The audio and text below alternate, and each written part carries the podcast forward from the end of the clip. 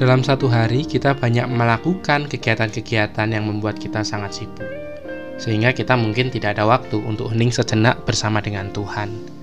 Sungguh sebuah ironi jika kita memiliki waktu berjam-jam dengan orang lain, namun kita tidak memiliki waktu beberapa menit untuk Tuhan sendiri.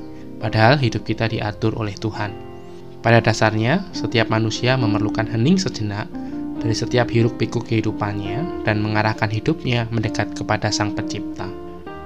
Hening sejenak dapat dipakai untuk kita sebagai sarana berkomunikasi dan berrelasi dengan Tuhan, mensyukuri setiap anugerahnya, mengevaluasi kehidupan kita, menenangkan hati dan pikiran, dan juga mendasarkan hidup seturut dengan firman-Nya. Mulailah, jalanilah, dan akhirilah hari ini dengan hening sejenak.